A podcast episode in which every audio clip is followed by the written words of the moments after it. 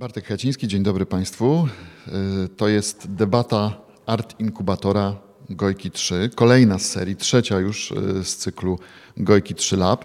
Spotykamy się na y, placu budowy inkubatora, co jest znamienne, w Światowym Dniu Rozwoju Kulturalnego. Ten plac budowy, w budowie właściwie jest całe, całe podejście, czy też w przebudowie podejście do myślenia o statusie artysty, o roli artysty. To się wydawało do niedawna jeszcze całkiem oczywiste. Ostatnio stało się zaskakująco kontrowersyjne z różnych względów i o tym też będziemy rozmawiać dzisiaj. Będziemy rozmawiać o statusie artysty jako zawodowca bądź hobbysty. Artysta, artystka, zawód czy i hobby. A rozmawiać będę z gronem wspaniałych gości. Profesor Dorota Ilczuk, ekonomistka z Uniwersytetu SWPS, właściwie twórczyni w praktyce przestrzeni naukowej do rozmowy o przemyśle kulturalnym, przemyśle kreatywnym. To właśnie raport z badań prowadzonych przez grupę kierowaną przez panią profesor, policzone i policzeni.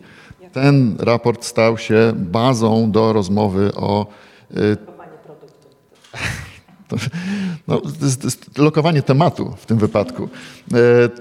Stał się bazą do dyskusji o ustawie o uprawnieniach artysty zawodowego, o której będziemy mówić. Profesor Iczuk jest też założycielką i wieloletnią prezes Fundacji Prokultura, współpracowniczką wielu zagranicznych organizacji naukowych i ekspertką Rady Europy i Unii Europejskiej. Jeśli chodzi o artystę w pandemii, też się będziemy odnosić, ale to już ulokuje, to badanie ulokuje w jednym z kolejnych pytań. Doktor Marta Miłoszewska jest z nami również, reżyserka teatralna, wykładowczyni Akademii Teatralnej w Warszawie, wiceprzewodnicząca Gildii polskich reżyserów i reżyserek teatralnych, bardzo ważnego gremium dla również pracy między innymi nad ustawą, ale nie tylko, bo Marta Miłoszewska była też mocno zaangażowana w różne działania pomocowe w trakcie pandemii w zespołach antykryzysowych, jak też w działania i wcześniej i teraz antydyskryminacyjne no i, no i wspomniany proces powstawania nowej ustawy. I wreszcie Jan Nowak, znany pewnie publiczności teatralnej doskonale, choć zarazem ukrywający się trochę w cieniu, bo autor przekładów literackich teatralnych z języka francuskiego, założyciel pierwszego w Polsce teatralnego domu wydawniczego Dram Edition, który specjalizuje się właśnie w wydawaniu publikacji dramatów, tłumaczeń współczesnych dramatów z obszaru francuskojęzycznego. O tym obszarze będziemy pewnie też rozmawiać. Najszerzej znany zapewne jako tłumacz dramatów Erika Emanuela Schmidta. Rozmawiamy w momencie na pewno zwrotnym i to z kilku powodów, dla całego sektora zwrotnym. Z jednej strony dlatego, że możemy sobie tak w końcu porozmawiać, spotkać się nie w online, tylko bezpośrednio. Cały sektor stopniowo się w tej chwili odmraża, żeby zastosować słowo, które, które się pojawiało w ciągu ostatniego roku bardzo często. No ale też w, w takim momencie zwrotnym ze względu na to, że rozmawiamy właśnie o sposobie pomocy artyście zawodowemu, szczególnie w zakresie opieki zdrowotnej i społecznej. Do tego dotyczy bezpośrednio przygotowywana ustawa, w której projekt w tej chwili pojawił się już w Rządowym Centrum Legislacji, więc jest na początku takiej pewnie jeszcze długiej ścieżki konsultacyjnej. No i w momencie zwrotnym rozmawiamy także dlatego, że, że bierzemy pod uwagę wszystkie następstwa pandemii, która miejmy nadzieję się powoli kończy, ale od której chciałbym zacząć. No bo czego właściwie myśmy się dowiedzieli o środowisku artystycznym i o artyście jako zawodzie w Polsce w ciągu tego ostatniego roku? Czego nowego dowiedzieliśmy? To pytanie w pierwszej kolejności do pani profesor Ilczuk. Dziękuję za to pytanie, bo taka przygotowana jestem, to tak po profesorsku i studencku. Jestem przygotowana, bo zrobiliśmy badanie, które jest badaniem reprezentatywnym i dotyczy artystek i artystów teatru w Polsce w czasie pandemii. E, myśmy tam ustalili po prostu skalę rażenia pandemii. Jesteśmy przerażeni wynikami. Nie chcę tutaj zarzucać Państwa smutnymi danymi, bo one naprawdę nie są wesołe i są w stanie wzruszyć wiele, wiele osób, ale e, najbardziej e, chyba takie mm, przekonywujące jest to, że pytaliśmy artystów, na jak długo ich sytuacja, którą, z którą zaczęli mierzyć się z pandemią na początku, wyglądała. I okazywało się, że no większość z nich nie miała w ogóle żadnych oszczędności. E, bardzo wiele osób wskazywało, że na trzy miesiące E, I tylko trochę tam jakiś ułamek 30%, może góra, może mniej mówiło, że na trochę więcej niż 30, niż 3 miesiące. Co oznacza, że w tej chwili oni tych oszczędności nie mają, dlatego że e, wraz z przychodzeniem kolejnych fali pandemii, kolejnych zamrożeń działalności kulturalnej, oni nie mieli możliwości zarobkowania. To, o czym tutaj wiele razy mówiłam i co chyba najbardziej było szokujące, że po po wielu latach pracy, y, badania rynku pracy artystów dowiedziałam się, że może się zmienić y, ludzka optyka, że może być tak, że artysta taki niezłomny, co to zawsze wszyscy mówili, że biznes ma się uczyć tej umiejętności przetrwania w trudnych warunkach. Jak to w ogóle ten survival dobrze wyjdzie w wykonaniu artystów, a biznes no nie potrafi, bo fura komura i bez tego nie potrafią sobie poradzić. Artyści sobie zawsze poradzą, tu proszę, y, partnerstwo biznesu i kultury na tym między innymi ma polegać. To ja y, za, no po raz pierwszy zanotowałam odpowiedzi, które wskazywały, że no połowa tych artystów, którzy odpowiadali jest no właściwie trochę pokonana. Że mówią, że chcą zmienić pracę, a niektórzy już tę pracę zmienili. Pracę artystyczną, do której trzeba się uczyć, no nie wiem, muzyk od, od małego, potem wiele, wiele lat, poświęcać się tej pracy, kochać tę pracę i, i mieć jakiś taki specjalny, specyficzny stosunek. Czyli to, co przez wiele lat mówił David Frosby, taki guru ekonomiki, kultury na świecie, czyli że e, wybory zawodowe artystów są wyborami nieracjonalnymi. Podejmują pracę ciężką, bardzo e, wymagającą, jednocześnie nie licząc specjalnie z góry na bardzo duże wynagrodzenie i na duże wynagrodzenie, w każdym razie nie mają takiego wyboru, że albo się nie narobię i zarobię mniej, albo będę dużo pracować i zarobię dużo, nagle y, okazało się, że oni są gotowi z tego zrezygnować. Do tej pory naprawdę tak nie było. I to jest chyba ta pierwsza rzecz, której ja się dowiedziałam jako czegoś takiego y, zdumiewającego. Z drugiej strony spotkałam taką grupę, która mówiła, no bo myśmy badali artystki, artystów teatru, że no teatr, czyli instytucja jest jakąś ostoją, czyli dopóki jawi się premiera, będę walczyć. Będę, tutaj mam nastawienie bardzo pozytywne. Ja e, widziałam, że to środowisko bardzo się specyficznie zachowuje w zależności od tego, jaka to jest grupa zawodowa. Inaczej zachowywali się tancerze, inaczej zachowywali się e, plastycy.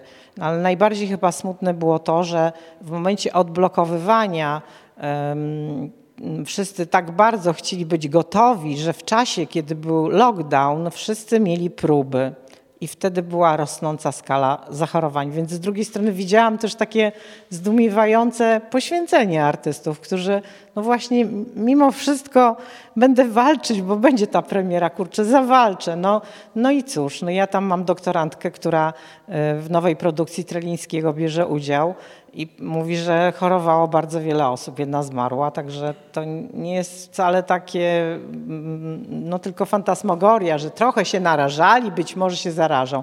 Oni się po prostu zarażali i e, no i to już taki nabiera taki dramatyczny wydźwięk. To chyba, e, chyba tyle, jeśli chodzi o taką, takie zaskoczenie, jeśli chodzi o, e, o postawę artystów. Jakie były Państwa zaskoczenia? Bo to chyba każde, każde grono, każde też środowisko e, działające inaczej. w obrębie kultury zupełnie inaczej. Każda grupa inaczej. Czego innego się dowiedziało tak. o sobie. Tak, to jest kilka, kilka myśli, tak odnosząc się bezpośrednio do tego, co pani profesor Ilczuk powiedziała, bo myślimy o artystach jako o tych wizjonerach, szalonych ludziach mhm. sztuki, że oni się na, narażali dla tej sztuki. Pewnie tak, ale w większości narażali się, narażaliśmy się ponieważ mamy dzieci, kredyty, rodziny i po prostu ten rok, a nawet ponad rok był prze upiorny dla ludzi, dla ich y, dobrostanu psychofizycznego po prostu. E, powiedziałeś, e, Bartku, że wychodzimy z pandemii i pomyślałam sobie, że to jest jak taki w ogóle tagline niezłego horroru, że już wychodzimy, widzimy tą słoneczną polanę, a tak naprawdę nie wiemy, co jest po prostu za, za zakrętem i że tak naprawdę mroczny las może być dopiero za tym zakrętem. Kulawa metafora, ale mówię o tym dlatego, że pandemia i, i, i, tych ostatnich kilkanaście miesięcy z taką siłą obnażyła wszystko, co nie działa. To znaczy, to jest tak, że to nie jest tak, że to się zdarzyło teraz, że to są nowe rzeczy. Te rzeczy były, nie działały de facto od ponad 30 lat, bo się nikt nigdy nimi po 89 roku nie zajął. Ale my sobie jakoś radziliśmy, po prostu siłą woli, zaciśniętych zębów, tego, że działaliśmy na granicy autoeksploatacji, pracując po 7 dni w tygodniu, po 24 godziny dziennie, etc. I to jakoś szło całkiem nieźle. I w momencie, kiedy, kiedy po prostu walnęliśmy w ten mur pandemii, to nagle się okazało, że nie mamy, znaczy przede wszystkim nie mamy żadnego systemu. W żadnym systemie de facto w większości nie istniejemy. Nie mamy rozwiązań, nie mamy pomysłu na rozwiązania, a do tego wszystkiego dochodziła dramatyczna sytuacja, że większość z nas nie miała oszczędności. Ponieważ artyści, już nawet nie mówię, że oni żyją od pierwszego do pierwszego, bo żeby żyć od pierwszego do pierwszego trzeba mieć jakiś etat. Ja jestem w tej szczęśliwej sytuacji, że jestem, e, e, oprócz tego, że jestem reżyserką teatralną, jestem wykładowczynią. Mam etat, więc, y, więc moja sytuacja była naprawdę w porównaniu do wielu luksusowa. I też dlatego trochę za, zaangażowałam się z takiego poczucia odpowiedzialności, ponieważ miałam poczucie, że mam w sobie tę przestrzeń psychiczną przede wszystkim, y, żeby działać na rzecz tych, którzy, którym jest po prostu gorzej w tym momencie. I to jest jakby, i, i, i, to jest ten krajobraz, i to wszystko, co ja mówię, to ja mam świadomość, że to jest takie not sexy. To znaczy, że jesteśmy w tym momencie, kiedy w debacie publicznej się przerzucamy takimi efektownymi one-linerami. Ktoś nam mówi, artyści nie roby, albo tam, no i tak dalej. Pewnie będziemy o tym za chwileczkę rozmawiać, a żeby opowiedzieć o miejscu, w którym artystki, artyści i w ogóle twórcy, twórczynie, wykonawcy, wykonawczynie w Polsce jesteśmy, to trzeba użyć bardzo wielu, bardzo nudnych słów. I ja jestem przekonana, bo mam ze sobą takie rozmowy, że za każdym razem, kiedy z kimś, kto nawet jest bardzo negatywnie do nas nastawiony, mam okazję siąść, spokojnie opowiedzieć o naszej sytuacji i przede wszystkim odpowiedzieć na pytania, posłuchać wątpliwości, to naprawdę mam doświadczenie, że się dogadujemy. To znaczy, że to się nie zamienia w kłótnie.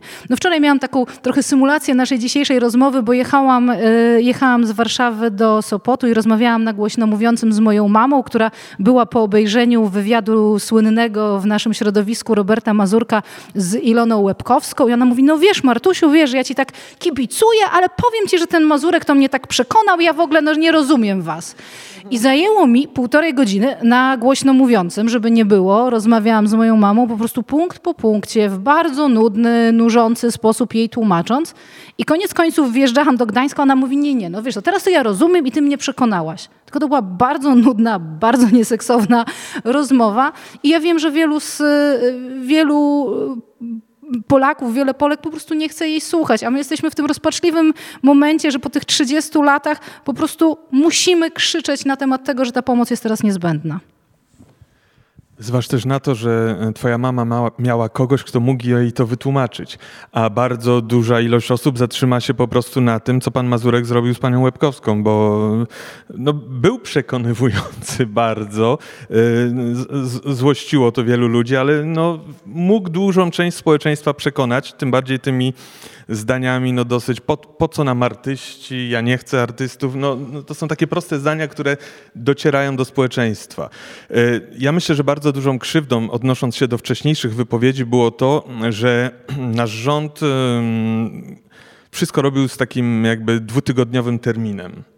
Może za dwa tygodnie, może za dwa tygodnie, może za dwa tygodnie. To, I to właśnie zrobiło bardzo dużo źle e, środowisku artystycznemu, bo tak naprawdę cały czas musisz być gotowy, że to się może za chwilę otworzy. Jak nie będziesz gotowy, no to przegapisz być może ten tydzień czy dwa, gdzie możesz zagrać, gdzie możesz zarobić, gdzie możesz coś zrobić. Czyli tak naprawdę artyści nasi żyli w permanentnym przygotowaniu, stresie i niepewności. Y, we Francji było tak, że prezydent powiedział: Zapomnijcie, że do końca czerwca gracie. I to powiedział w styczniu. No i wtedy, wiecie, no mam pół roku, coś muszę przez te pół roku zrobić, a nie muszę tylko mm, próby, próby, bo za pół roku będę grać. Nie. Próby zacznę w maju, czy z początkiem czerwca, bo prezydent powiedział, że się nie otworzymy wcześniej. No ale masz wtedy te pięć miesięcy. Trudne, trzeba robić pewnie coś innego, ale przynajmniej wiesz, że przez pięć miesięcy skupiasz się na czymś innym, a potem wracasz dopiero do siebie. A my tak co dwa tygodnie, co dwa tygodnie, raz się udało, raz się nie udało no to jest tak wyczerpujące, że no, środowisko bardzo mocno, wszystkie środowiska bardzo mocno to odczuły. To jeszcze zatrzymajmy się na kilka minut y, przy tym okresie y, mijającego roku, minionego roku właściwie, bo to już rok, rok i dwa miesiące tej, tej, tej sytuacji niepewności, w której wszyscy jesteśmy. Y, do rozmowy, do jakby medialnej dyskusji o ustawie za chwilę jeszcze też przejdziemy, do, do tego też również wywołanego przez Was wywiadu Roberta Mazurka z Iloną Łebkowską. Chciałbym, żebyście teraz może Marta Miłoszewska najpierw od strony polskiej opowiedziała o tym, jak, jak z tej perspektywy dzisiejszej już można spojrzeć na te, na te, na te wszystkie nasze działania pomocowe na, na, ile one były racjonalne, na ile, bo wokół nich też dyskusje trwały i niestety również trwało, pojawiały się takie aspekty bardzo złego przyjęcia PR-owego y, tej pomocy, y, być może złej komunikacji, a z kolei chciałbym, chciałbym bardzo, żeby Jan Nowak z kolei skonfrontował to z sytuacją obszaru francuskojęzycznego, w który przez ostatnie miesiące byliśmy zapatrzeni właściwie jako z reguły zresztą, jak się pojawia jakaś kwestia dotycząca organizacji systemu zawiadywania kulturą, to do tych wzorców francuskich sięgamy, bo no, oni je wypracowali dawno temu. Ja paradoksalnie zacznę od takiej strony, wydawałoby się, że niezwiązanej, ale udowodnię, że związanej. E, przez ostatni rok e, w kulturze i sztuce polskiej się zagotowało i nie chodziło tylko o działania pomocowe. Na przykład w ciągu ostatnich miesięcy wybuchło parę bardzo gorących, bardzo dramatycznych spraw związanych z przemocą i dyskryminacją, na przykład w polskim teatrze, ale nie tylko teatrze. I dlaczego? Oczywiście, to były jakieś tematy, które gdzieś tam cały czas czekały na to ujawnienie, ale myślę, że ten moment tych wielu, wielu miesięcy, tego narastającego poczucia zagrożenia, tego skrajnego braku bezpieczeństwa sprawił, że ludzie zaczęli pękać. I że też jakby przez to, że nie siedzieliśmy cały czas sobie na głowach w tych salach prób, w tych szkołach teatralnych i tak dalej, zyskaliśmy trochę oddechu i ludzie po prostu popękali. Zaczęli mówić o rzeczach, które ich drążyły przez lata ponieważ to poczucie braku bezpieczeństwa i takiej rozpaczy czy takiego krzyku o pomoc było tak silne. Dlatego uważam, że to była jedna z rzeczy, które w tej pandemii pękły. I mówię o tym, bo to pokazuje jakimś takim właśnie stanie psychofizycznym, w którym jako grupa zawodowa się znaleźliśmy. Natomiast jeżeli chodzi o rozwiązania pomocowe, no to co ja mogę powiedzieć? Jakby działałam. Rzeczywiście byłam w zespole antykryzysowym przy y, Ministerstwie Kultury. Spotykałam się w ramach tego zespołu regularnie, między innymi z panem ministrem Glińskim. Byłam w działającym znacznie intensywniej i na znacznie większej liczbie pól zespole eksperckim przy Instytucie Teatralnym jako przedstawicielka Gildii Polskich Reżyserek i Reżyserów Teatralnych. I dużo się mówiło. Mieliśmy też w ogóle, znaczy na pewno zdiagnozowaliśmy sytuację. I myślę, że to, że jest ta ustawa i że ta ustawa wreszcie dochodzi do głosu, a my razem z nią, jest jakimś pokłosem, pokłosiem e, tego wszystkiego, co się dzieje. Jeżeli uda się ją uchwalić, to myślę, że paradoksalnie to będzie największy efekt pandemii i największa pomoc, ponieważ ja niestety dość krytycznie patrzę na pomoc, którą moja grupa zawodowa otrzymała. Ponieważ, e, nie wiem, pewnie Państwo, którzy nie jesteście artystami, artystkami, żyjecie w inny sposób, nie wiecie tego, że wbrew takich hucznym rzeczom, które tam się przewaliło o Funduszu Wsparcia Kultury, Fundusz Wsparcia Kultury był funduszem dla instytucji. A instytucje skoncentrowały się niestety dość niesolidarnościowo w swojej większości na pracownikach etatowych i pracowniczkach etatowych. Natomiast większość artystów i artystek w Polsce to są tak zwani freelancerzy, czyli nieetatowi pracownicy kultury, czyli te takie zespoły, które nie są związane umowami o pracę. Y, ci, którzy żyją po prostu projektowo, żyją na umowę o dzieło. I dla tej grupy to było zaledwie kilka zapomóg, które mogły, mogły, mogli ci ludzie otrzymać, starając się w Ministerstwie Kultury. Czas oczekiwania, my to monitorowaliśmy do pewnego momentu tak naprawdę bardzo skrupulatnie. No w którymś momencie po prostu to wymagało tyle sił, nakładów, środków, a widzieliśmy, że nie przynosi efektu, więc po prostu i też ludzie zaczęli robić, dywersyfikowali po prostu swoje e, źródła dochodu. Natomiast tej pomocy de facto nie było. To były tam y, zapomoga rzędu 1800 zł raz na parę miesięcy. Teoretycznie była wielokrotna, ale te systemy się bardzo przy, przyblokowały.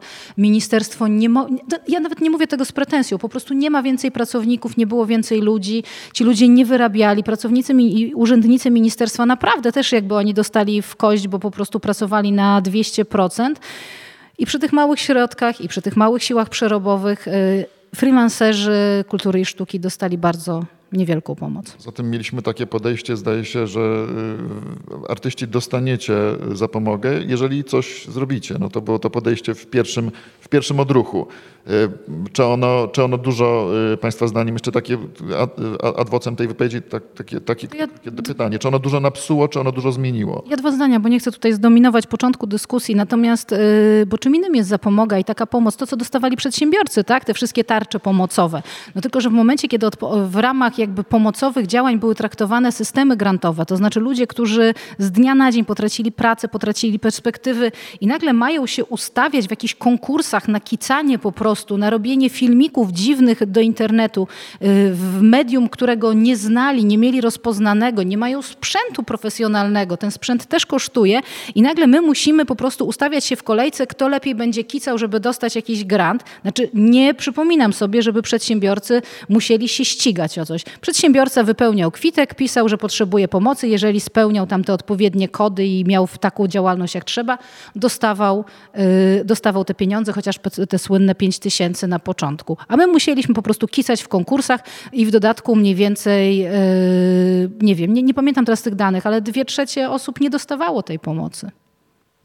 Tak, ja, ja chciałam trochę się odnieść.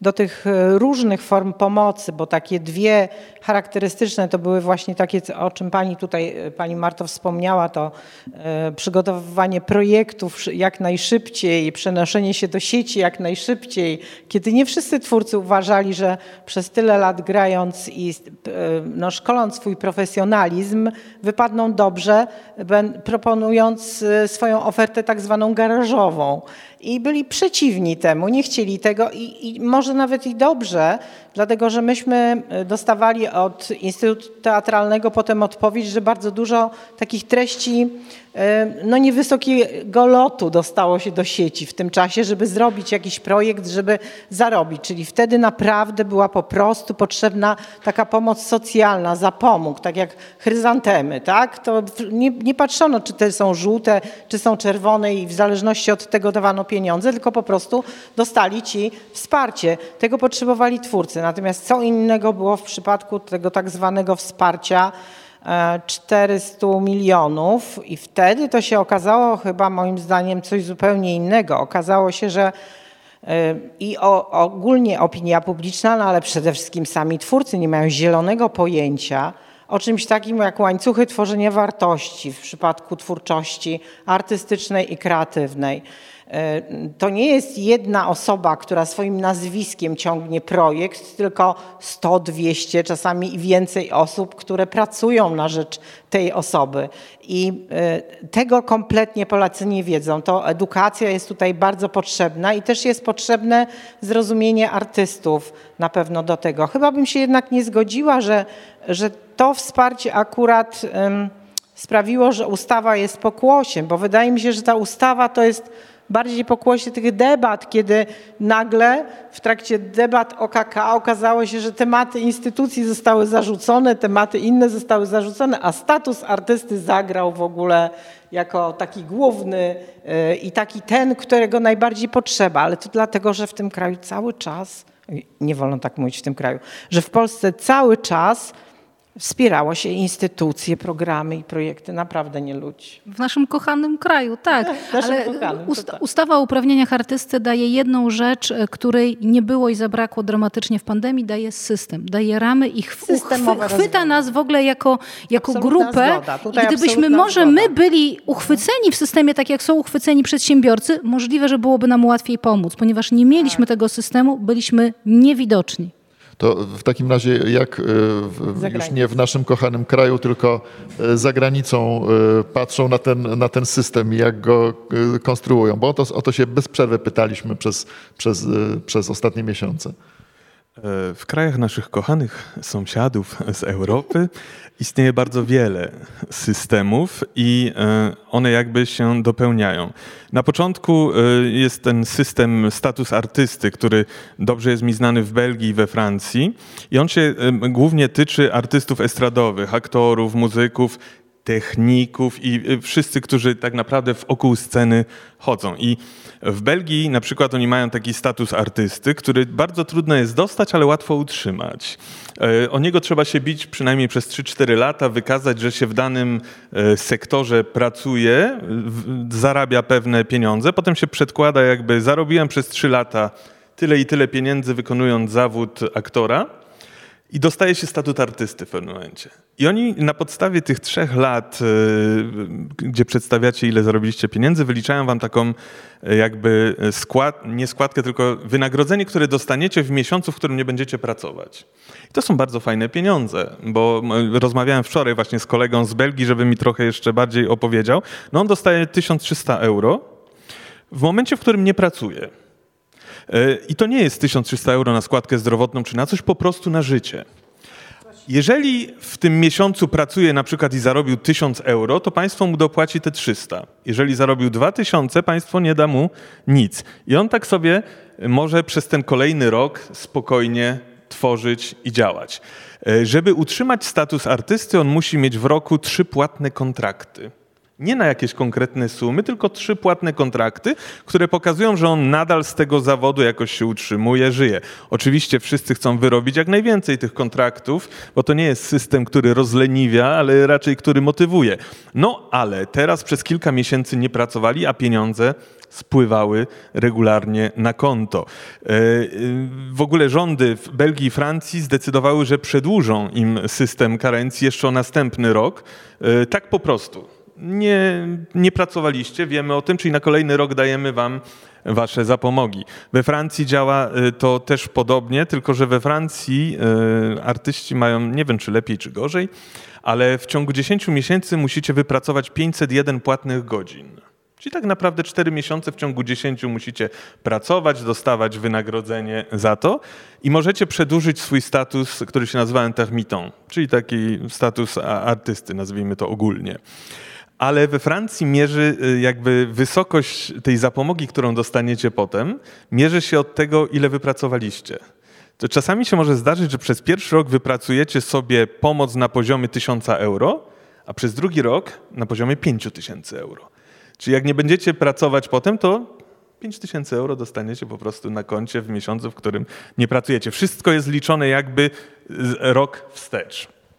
No i oni sobie, ale mówię, to jest e, ci artyści estradowi tak mają. Artyści, malarze, rzeźbiarze mają od dawna ich systemy solidarnościowe w, w, w Związku Plastyków, w Związku Autorów e, i, i, i innych różnych związkach. Ale dlaczego wspomniałem na początku, że Francja ma wiele systemów? Bo w momencie, w którym nie dostaniecie pieniędzy z systemu wsparcia dla artysty bądź z waszego systemu wsparcia e, solidarnościowego, to macie system, który jest dla każdego obywatela, czyli po prostu możecie pójść, e, nie pamiętam już jak się nazywa dokładnie ta instytucja, ale idziecie do instytucji, mówicie, no so- sorry, nie mam pieniędzy. Okej, proszę się zapisać, dostajecie z góry y, ileś tam pieniędzy miesięcznie na to, żeby przetrwać. To nie są jakby pieniądze, żeby super sobie żyć, ale żeby przetrwać. No i w tym czasie macie pełną swobodę na szukanie nowych, e, nowych, nowej pracy, nowych projektów.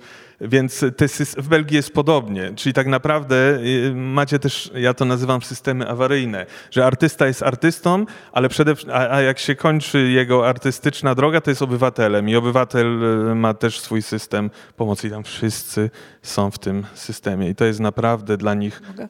bardzo fajne. Ja, ja, chciałam powiedzieć, że to, co pan teraz powiedział, jest taki, taką bardzo ciekawą i fajną e, ilustracją specyfiki pracy artysty, że to, że artysta ma te momenty przestoju, jest wpisane w specyfikę jego pracy, nie to, że się leni, mu kurczę wisi i on nie chce po prostu dalej pracować, prawda? Taka jest specyfika. Niemcy mają tak samo, idą od razu do kasy, kończą film, idą do kasy, dostają środki na to, żeby szukać następnego projektu. Przecież projekt nie przychodzi tak od razu, prawda, za 15 dni, czy za 10 dni, czy zaraz. To jest czas, to, to trzeba na to y, dużo wysiłku. Także to, co Pan powiedział, to jest kapitalne, ale nie dziwimy się, że akurat ciągle się odnosimy do systemu francuskiego, bo, bo to jest najlepsza polityka kulturalna w Europie, prawda? Belgowie kochają Francuzów i im zazdroszczą, więc ściągnęli tam bardzo dużo, ale bardzo dużo innych krajów zazdrości i chciałoby tak samo, no ale nie wszyscy mieli tego Malraux, tego ministra kultury, którego chciał de Gaulle. Ja to myślę, że następnym ministrem będzie Zygmunt Miłoszewski, który też literat, tak jak e, Malraux. No tylko, żeby się ten de Gaulle trafił. Zobaczymy. Jeśli chodzi o przyszłość, to też e, przygotowałem na koniec jeszcze kilka takich pytań związanych z prognozami, więc będzie na, będzie na to moment, ale myślę, że ten przypadek francuski to jest w ogóle idealny teraz e, dla nas wstęp, właśnie ze względu na, te, na ten jednak podział sektorowy, który tam, e, do którego tam doszło przy, e, przy w, w, w, kulturze, czyli że jednak wyodrębnieni są ci artyści sceny, ci, którzy notabene zresztą najszybciej i naj, naj, najszybciej tracili w pandemii, e, bo tracili nie tylko pieniądze, ale w ogóle możliwość uprawiania zawodu.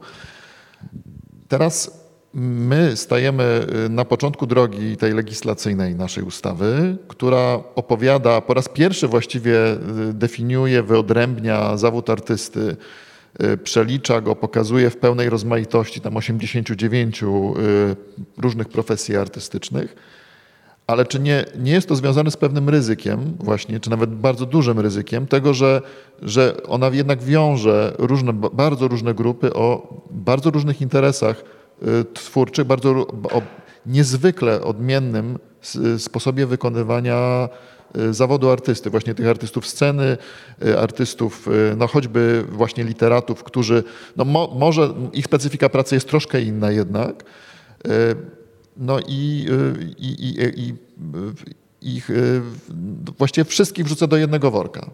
Jeżeli mogę, y, znaczy, bo my tak patrzymy na Zachód z zazdrością, patrzymy na tę Francję, gdzie te rozwiązania są bardzo rozbudowane i bardzo myślę, że chcielibyśmy tam być i że to jest jakiś, rozumiem, kierunek, w którym w ogóle zmierzamy jakiegoś dobrobytu, odpowiedzialności społecznej. Ale to w ogóle nie jest historia o nas, ponieważ nasza ustawa o uprawnieniach artysty tak naprawdę ona się koncentruje na jednej bardzo prościutkiej sprawie po pierwsze, na zobaczeniu nas w systemie i stworzeniu systemu ubezpieczeń społecznych. Ponieważ to jest chyba najtrudniejsze do wytłumaczenia, y, że to nie chodzi o żadne roszczenia, że my chcemy więcej niż inni, że my chcemy jakiegoś przywileju. Kompletnie nie, ponieważ my w tej chwili w ogóle nie jesteśmy w tym miejscu, gdzie jest większość pracownic i pracowniczek kultury, y, nie, y, w ogóle pracowniczek i, pracow i pracowników w Polsce. Ponieważ tak, jeżeli ktoś jest pracownikiem etatowym, no to jest umowa o pracę, jest stosunek pracy, to wszystko jest rozwiązane, szereg rozwiązań prawnych. Jeżeli ktoś prowadzi, jest przedsiębiorcą, prowadzi jednoosobową działalność gospodarczą albo prowadzi firmę, spółkę, znowu stworzone są rozwiązania, jest mały ZUS, cały szereg jakby rzeczy, które oczywiście one też wymagają reformy, ale jakiś udogodnień i w ogóle system jest stworzony. Jeżeli ktoś jest rolnikiem, ma KRUS, oddzielny system. Jeżeli ktoś jest lekarzem albo adwokatem, również zostały na to wymyślone rozwiązania prawne. Yy, jeżeli ktoś nawet, no jakby, jeżeli ktoś jest duchownym, y, jest fundusz kościelnych i tak można by mnożyć. Natomiast grupa taka dziwaczna, tak zwanych wolnych zawodów artystycznych, to jest taki ni pies, ni wydra, nikt nie wie, co to jest. Ja pamiętam, jak chodziłam kiedyś do, yy, parę lat temu, jako już jakoś w miarę przyzwoicie zarabiająca osoba, poszłam do banku, bo pomyślałam, może to jest czas, żeby tam kupić sobie kawalerkę albo jakieś małe dwupokojowe mieszkanie i pani się mnie pyta zawód, a ja mówię wolny zawód i ja widziałam, że takie, takie dada, taki wielki znak zapytania nad moją głową. A potem parę lat później już jako wykładowczyni na etacie poszłam pani mówi, jaki jest pani zawód? Ja mówię wykładowczyni akademicka. I była taka ulga, że pani ma na to rubryczkę. Więc my tak naprawdę nie walczymy o żaden przywilej, my walczymy o to, żeby mieć rubryczkę w papierach, w banku i w ZUS-ie. Ta y, walka już wywołała y, mnóstwo kolejnych pytań, y, mnóstwo, znaczy właśnie, właściwie pokazała, nawet, nawet właściwie zanim jeszcze ta, ta, ta, ta ustawa wyszła, myśmy, myśmy o tym chwilę przed naszą dyskusją, dłuższą chwilę mieli okazję rozmawiać, ujawniła pewne no, takie rozbieżności, ale to rozbieżności właściwie podziały nie do zasypania. Kazik i jego oświetleniowiec. Z jednej strony człowiek, który no, jest twórcą, który również poza tym systemem wsparcia może oczekiwać na jakieś, jakieś tantiemy. To jest ta tantiemizowany, zdaje się, takie po, po, pojęcie się zaczyna pojawiać, tak? A z drugiej strony y, oświetleniowiec, który jakby też, y, którego praca, który jest intermittent de spectacle w znaczeniu francuskim, byłby, no a tu jest w ogóle, właściwie nie jest nawet partnerem do dyskusji. Y, to, to, też o, to, o, ten, y, o, tę, y, o, tę, o tę rozbieżność tutaj mi chodziło i myślę, że ona też wywołuje bardzo dużo kontrowersji w komentarzach do, do, do Kazik celebryta, prawda, bo zarabia. Oświetleniowiec, no może rzeczywiście trzeba mu pomóc, ale może to raczej opieka społeczna. Ja to myślę, że Kazik nie zrozumiał o co chodzi. Przepraszam, ja uwielbiam Kazika i, i po prostu bardzo mi było przykro słuchać tej wypowiedzi. Ja, ja jej też niespecjalnie zrozumiałam tego, tego, o co tam chodzi. Odcięcie się od tego systemu, no rozumiem, ale jednocześnie brak jakiejś odpowiedzialności za tych wszystkich, którzy pracują. My troszeczkę tutaj zapominamy, bo mówimy cały czas o artystach, o tych wszystkich, którzy obsługują artystów, dlatego że system francuski obejmuje wsparciem również ludzi, którzy pracują E, jak gdyby na backstage'u i niekoniecznie wykonują super artystyczne zawody, czyli te wszystkie zawody, które są z tym związane. Pan redaktor wiele razy tutaj nas trochę podpytuje, czy, czy to tak e, dobrze w tej ustawie, bo, bo przecież różne grupy mają różne roszczenia. Ja myślę, że nawet ci, którzy są ze sceną związani, są bardzo różni, bo zupełnie inaczej myśli o tym wszystkim baletnica, która ma skończyć w wieku pracę, w wieku lat 30 paru ja mam taką teraz 29-latkę, która mówi to, że na zwieńczenie swojej kariery chciałaby zatańczyć tu i tu, więc to jest specyficzny bardzo zawód i musimy też myśleć o tym, że są e, takie oczekiwania. Rzeczywiście ustawa dotyczy przede wszystkim pomocy w uzyskaniu zabezpieczenia medycznego i emerytalnego i na tym się koncentruje.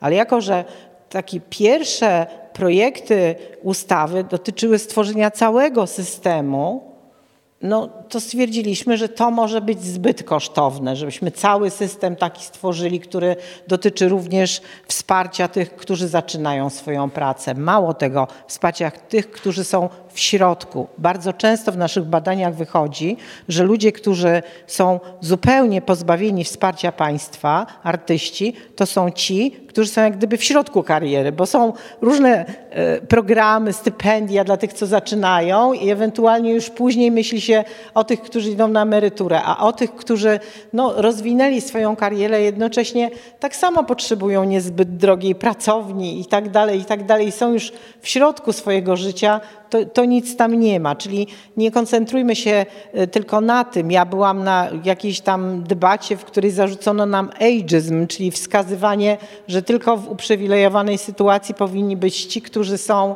e, młodzi. To, to, to też nie, nie o to chodzi. Żenujące jest w Polsce to, że e, my nie mamy polityki kulturalnej uwzględniającej artystów, bo te wszystkie stypendia, które mieliśmy do tej pory dla artystów, te, ta żenująco mała liczba konkursów różnego typu, to, jest, to są wszystko frędzle przydywanie. To są tak małe pieniądze w stosunku do pieniędzy na instytucje kultury. Dalej na instytucje kultury z tych 11-12 miliardów środków publicznych, czyli całych na szczeblu centralnym i samorządowym, wydaje się ponad 90% na e, instytucje kultury i to znacznie więcej na, na same instytucje kultury. Idea, że dzięki temu będą mieli artyści, no jest taka troszeczkę kulawa, dlatego że doskonale pamiętamy, jak to było kiedyś, kiedy dyrektor Centrum Sztuki Współczesnej mówił, że jak mm, artysta e, przekazuje obrazy na wystawę do centrum, to znaczy, że się wspiera i promuje, ale nikt z nas nie chce pracować tylko i wyłącznie dla prestiżu. No trochę można, ale bez przesady. No, trzeba jeść, trzeba płacić, e, trzeba żyć po prostu i za rodziny jesteśmy odpowiedzialni, więc mm, na pewno ta sytuacja powoduje, że mm, no na każdy ten zawód możemy patrzeć inaczej. Ja jednocześnie bardzo często jestem pytana, czy my zamykamy katalog zawodów, dlaczego te zawody.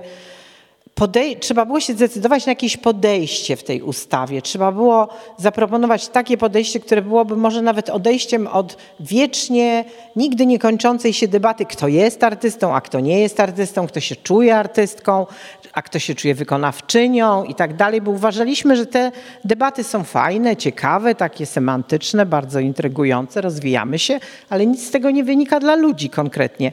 Weszliśmy od podejścia zawodowego, bo łatwiej było to środowisko nam wtedy naprawdę, szczerze mówiąc, policzyć ale teraz ja biorę udział w kilku takich projektach międzynarodowych, w których się mówi, że o zawodach powinniśmy wkrótce zapomnieć, bo będą się liczyły wiązki kompetencji. Ja nie wiem, być może to się tak zmieni i będziemy musieli to wszystko przemieniać, doprecyzować, ale jest jak jest, od czegoś trzeba zacząć. A tutaj początek jest moim zdaniem taki pa ba, ba, bam. Dobry, bardzo dobry policzone y, na podstawie dobrych badań. W związku z tym nie możemy za, y, tak po prostu uważać, że to był przypadek, skąd mamy te informacje. Jakby mówi się, że, że, że jeden obraz ma moc tysiąca słów. Ja zachęcam Państwa, żebyście weszli na taką stronę w internecie utworzoną e, artysta zawodowy PL, chyba nie przekręcam. I tam jest taki dział, który się nazywa infografiki. I to jest bardzo ciekawe, żeby zobaczyć, bo tam są też, to, to też jest efekt y, pracy pani profesor Ilczuk i jej zespołu, ponieważ pani profesor daje nam po prostu twarde, y, liczbowe narzędzia do opowiadania o naszej sytuacji. I tam widać jedną rzecz na tych infografikach. Y, bo to jest pytanie o to, gdzie jako Polska, jako kraj chcemy być. Rozumiem, że jakby naszym marzeniem od 30 lat, a właściwie od zawsze jest to, żeby było nam wszystkim jako społeczeństwu lepiej, żebyśmy byli w lepszym miejscu, że dążymy na ten tak zwany zachód y, i żeby nam było tak samo, ciągle słyszymy, żeby nam było tak dobrze jak w tych krajach y, takich jak Niemcy i Francja. I tam na tych infografikach widać jedną rzecz. Tam są po prostu kolory. Jest taka granica po prostu, która przechodzi na Polsce. To znaczy sytuacja niezauważania artystów, e, braku rozwiązań systemowych dla artystów. Jest u nas taka jak na Białorusi, jak w Mołdawii albo jak na Ukrainie. Przyzwolenie. Wszystkie państwa, takie, do których jakby rozumiem, że na wszystkich polach dążymy, takie jak Francja, Niemcy, Belgia, Hiszpania, Portugalia i tak dalej, y, czyli te państwa na zachód od nas mają te rozwiązania. Więc to nie jest tak, że my chcemy, wymyślamy sobie jakieś dziwne rozwiązanie. To jest element tego, tak jak tam są rozwiązania dla przedsiębiorców, są rozwiązania dla artystów, dla lekarzy, etc.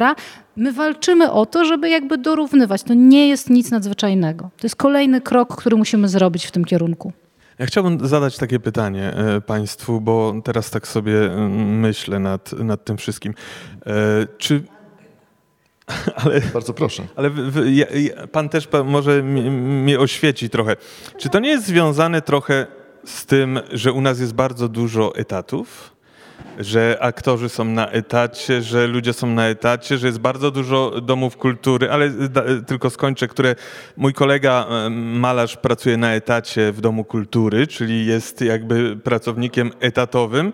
We Francji etatów nie ma W teatrach nie ma etatów, są tylko projekty. Robimy spektakl, szukamy aktorów, eksploatacja spektaklu trwa trzy miesiące, masz pracę. Potem nie, u nas aktorzy jednak są na etacie, bardzo dużo ludzi jest na etacie. Mamy w każdej małej miejscowości dom kultury, który zatrudnia, domy kultury, które zatrudniają ludzi na etacie. No i ci artyści, którzy się wykształcili, no łatwo złapać etat w domu kultury, robić sobie y, warsztaty y, dla dzieci według działalności statutowej Domu Kultury. No i nagle się okazuje, że my może tych artystów mamy na etacie bardzo dużo. Dlatego przez wiele lat nie wypracowywaliśmy systemu pomocowego, bo ktoś mówi, a ja mam etat w Domu Kultury, potem sobie tam pomaluję trochę, zrobię jakąś wystawę. Nie wszyscy tak robią, ale to jest moje takie pytanie, bo we Francji tego nie ma. Nie ma etatu. To jest na pewno powód, dla którego pojawiają się w odpowiedzi na każdą próbę uregulowania y, ustawowego y, dotyczącego y, artystów, pojawia się natychmiast a no to chcemy, żeby wrócił PRL, prawda? No bo wtedy, wtedy rzeczywiście wszyscy byli przyzwyczajeni do tego, że, że etat określa, umocowuje człowieka, prawda, w, w, w społeczeństwie. Myślę, że gdybyśmy teraz poszli w tym kierunku, to dyskusja by rozgorzała z całą pewnością, bo to jest ciekawy kierunek. Y, choć może bardzo proszę, jeśli, jeśli pani profesor ale ja też mogę, jeżeli, jeżeli mogę, to znaczy to nie jest tak. Nie ma pytań rzeczywiście. Nie, nie, nie, ma tych etatów, nie ma tych etatów aż tyle. Etaty są głównie takie infrastrukturalne, to znaczy to jest jak obsługa administracyjna, księgowość. A to, są, to właśnie to jest to, o czym mówię. My stanowimy głównie tak zwany nieetatowy personel placówek, yy, placówek kultury. I dlatego między innymi mieliśmy pretensje w momencie Funduszu Wsparcia Kultury, że znaczna część tych instytucji nie wzięła za nas, mówię za naszą grupę odpowiedzialności, że skupiła się tylko na pracownikach y, etatowych. Ja na przykład patrzę na moją grupę, czy na przykład reżyserki teatralne, mówię celowo tylko o reżyserkach i na przykład o to, jak dramatyczną rzeczą jest zdecydowanie się na macierzyństwo i jak wiele z moich koleżanek się na nie nie decyduje, y, jak bardzo to jest trudne, jak bardzo to wywraca y, życie, jak wiele z nas odeszło z zawodu, co poniekąd jest też jakby trochę moim, moim przykładem, bo chcąc mieć dziecko, móc spokojnie je wychowywać. Znaczy w tym systemie jest, nie, jest niezwykle Naprawdę, to jest, to jest taka obserwacja, jest bardzo mało reżyserek teatralnych w szczęśliwych związkach, mających dzieci, mogących sobie pozwolić na utrzymanie tych dzieci. Znaczy, to jest po prostu dramatyczna, dramatyczna sytuacja i to wymaga jakiejś po prostu ekwilibrystyki. To mówię tylko z punktu widzenia mojego zawodu. Dlatego też tak bardzo o to walczę. Ja bym chciała odpowiedzieć. To znaczy tak, w ogóle nieprawda. 30% według. To fajnie, bo tam dużo razy wychodzi 30%. To mnie jest łatwo to zapamiętać. Teraz szukałam teraz czy 31 czy 2, ale około 30. 30% ma tylko umowy etatowe. Ale o co tutaj chodzi? Te umowy etatowe a pan wspomniał tutaj fajnie y, tego artystę plastyka, który jest w Domu Kultury. To to są wszystko umowy albo dydaktyczne, na przykład jeżeli w szkole się uczy. Moja córka jest po ASP, jest architektem wnętrz. O, to jest akurat branża, która wcale nie ucierpiała na pandemii, chciałam państwu powiedzieć, bo wszyscy siedząc w tych swoich 60 metrach, patrząc na szafę, mówili, muszę ją zmienić, prawda? I wtedy dzwonili do mojej córki, która dzięki temu, prawda, wreszcie rozwinęła swoją jednoosobową działalność. Ale myślę, że e, to jest ważne, że e, te etaty były poszukiwaniem możliwości posiadania e, właśnie po prostu składki emerytalnej i po prostu ZUS-u. To były takie prozusowe decyzje trochę bezpieczeństwa. Tak naprawdę artyści nie zarabiają dzięki etatom, artyści teatru, tylko normom, przekroczeniu norm, czyli nadgraniom. Jeżeli grają więcej niż norma, to wtedy mogą zarobić w teatrze. Natomiast w tej chwili, w trakcie pandemii, mimo tego, że mieli podstawowe wynagrodzenie, to to była bieda, bo to było cały czas tylko to podstawowe i nie było tych nadgrań, czyli tego, co mieli więcej. Drugą formą taką, żeby mieć ZUS, jest zlecenie i to jest koniec. A większość, 50%, to są umowy o dzieło i słusznie, bo umowa o dzieło jest jak gdyby wymyślona dla artystów. Praca prekarna, czyli rozprzestrzenienie tej umowy o dzieło wszędzie indziej, to jest po prostu lekka patologia. Ale wie pan co, ja się zastanawiałam nad jednym. Ja ostatnio zostałam poproszona, żeby przetłumaczyć w projekcie takim międzynarodowym, w którym jestem, umowa o dzieło, umowa zlecenie, umowa etatowa i te wszystkie nasze formy. I oni stwierdzili, że oni rozkładają ręce w ogóle. Owszem, mają, nawet Niemcy, którzy mają to wszystko takie skadyfikowane w ogóle koszmarnie, to y, powiedzieli, Boże Święty, po co wam to wszystko? A nie lepiej tak kontrakt? Ja teraz się zaczęłam nad tym zastanawiać, że to powinno być wszystko kontraktem. Kontraktem, który ma różne e, określone zasady. Teatr mówiło się zawsze, że oni bronią swojej zespołowości. I to się nam troszeczkę tutaj potwierdzało w tych naszych ostatnich badaniach, że teatry były tą ich ostoją. Że może nie zabierajmy tego. Dlaczego psuć coś, co, jest, co dobrze działa, co się fajnie kojarzy i tak dalej. Ale z drugiej strony, może rzeczywiście nie powinniśmy mieć tego, tego podziału, tylko po prostu kontrakty, które jednocześnie mamy takie systemy, które o w tej chwili mamy ustawę, która wprowadza możliwość pokazywania różnych możliwości zarobku, czy to etat, czy nie etat. No kurczę, zastanówmy się, bo to jest naprawdę chyba ta przyszłość, o którą pan redaktor zapytał i ja już odpowiedziałam i wcześniej pójdziemy do domu. Wiązki kompetencji. Tak. Mhm. Ja właśnie tak zapytałem tylko no. o te etaty, bo y, wiecie, ilu aktorów we Francji trochę. ma etat? No. Mhm. 38. Mhm. To są aktorzy komedii francuskiej. To są jedyni aktorzy, którzy mhm. mają stałą umowę o pracę, a, wie pan, a reszta... że narodowych instytucji kultury jest najwięcej właśnie w Polsce, bo we wszystkich takich krajach jak czy Wielka Brytania, czy Francja, to jest po prostu kilka narodowych instytucji kultury, które mają taki solidny budżet finansowany przez Francję. No ale teraz, moglibyśmy, ale teraz moglibyśmy się zająć e, porównywaniem artystycznym, prawda? Tym, tym, tym, czego wszyscy oczekują, że może zaczniemy porównywać artystycznie e, wartość tego, co produkuje polski artysta, co wytwarza polski artysta.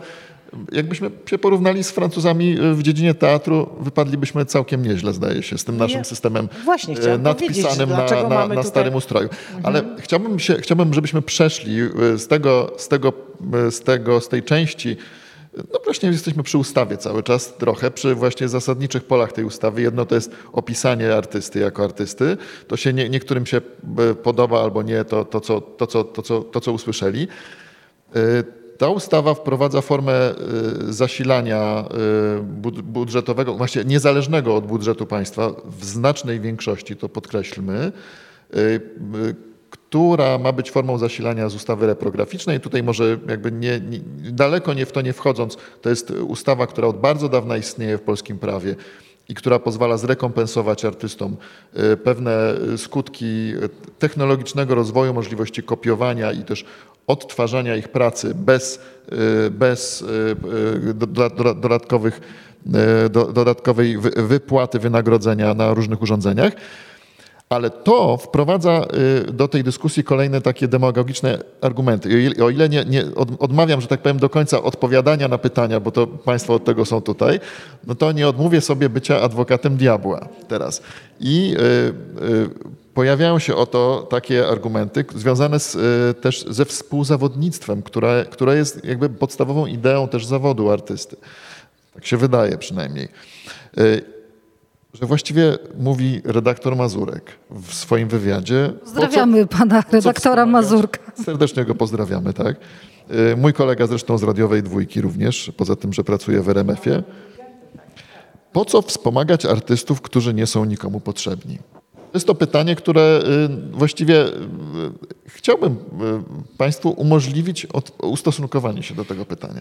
Jeżeli, jeżeli, mogę pierwsza, to znaczy, bo tutaj powołujemy się ciągle, pewnie może nie wszyscy Państwo wiecie, dlaczego powołujemy się na pana redaktora Mazurka i na słynny wywiad z panią Iloną Łebkowską. To był taki po prostu wywiad, w którym pan redaktor Mazurek odpalił po prostu wajchę swojego demagogicznego walca i panią Ilonę Łebkowską rozwalcował po prostu tam i z powrotem i trwało to 50 minut i było to rzeczywiście dość straszne i, yy, i rzeczywiście parę rzeczy tam nie wybrzmiało. I na przykład tam był taki jeden argument, to chciałam tylko sprostować, bo jest okazja, więc e, skorzystam, że pan e, redaktor Mazurek tam strasznie załamywał ręce, że my strasznie źli artyści i artystki teraz chcemy, żeby on zaczął od tego papieru płacić, że co to jest za pomysł, po podatek od papieru. No ja chciałam powiedzieć, że opłata reprograficzna od papieru istnieje w naszym kraju od kilkudziesięciu lat i panie redaktorze, płacił pan za każdym razem, jak kupuje pan ryzę papieru nie wiem, to chyba zła wiadomość, ale od wielu, wielu lat i nie przeszkadzało to panu do tej pory.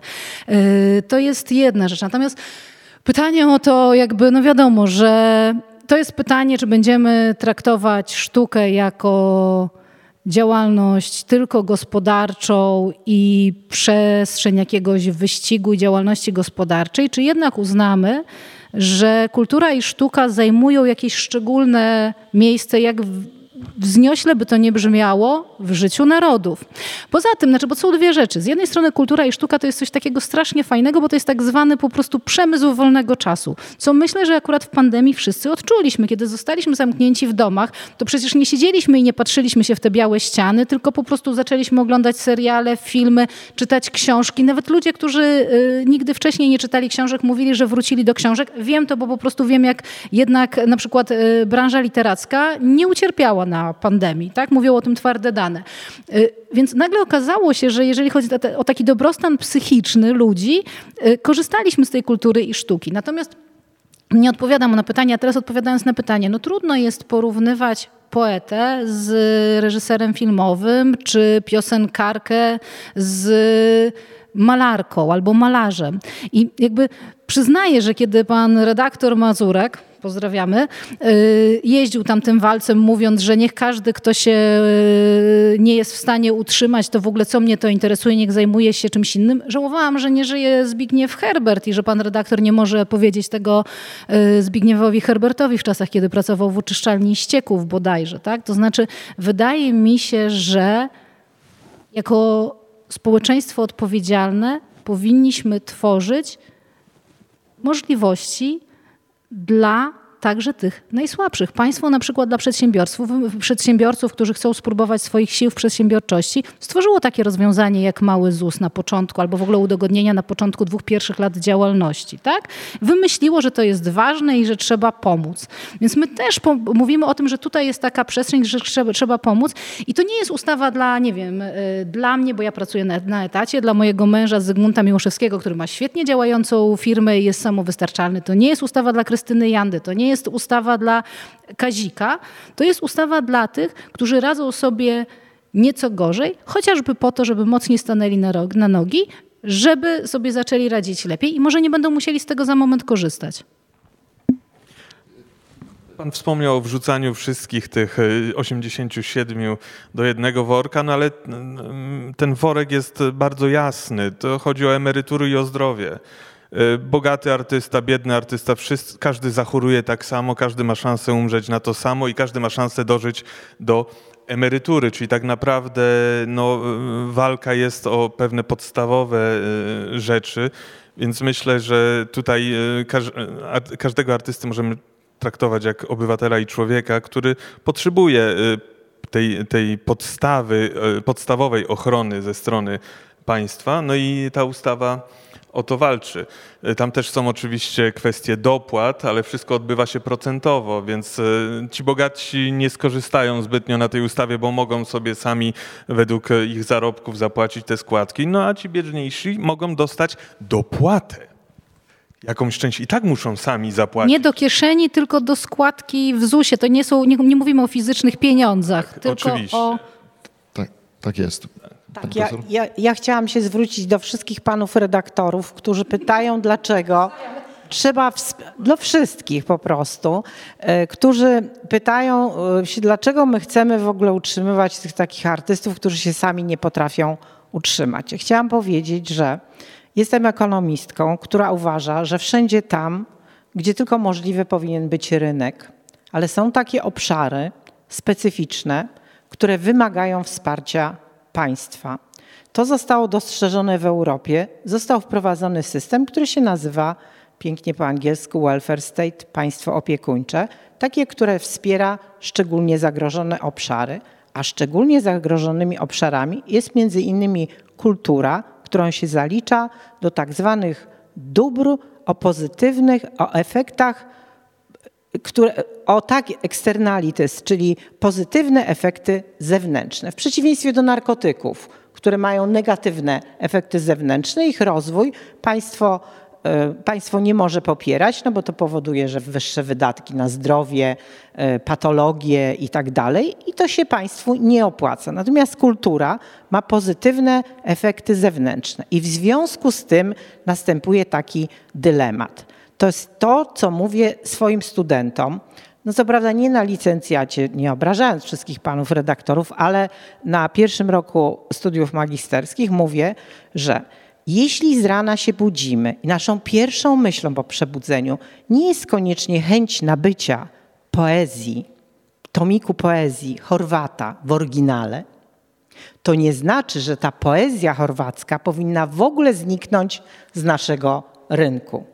Po to jest właśnie wsparcie państwa, żeby niezależnie od tego, że nie ma popytu na to dobro, utrzymać je na takim poziomie, żeby ono z tego rynku nie zniknęło.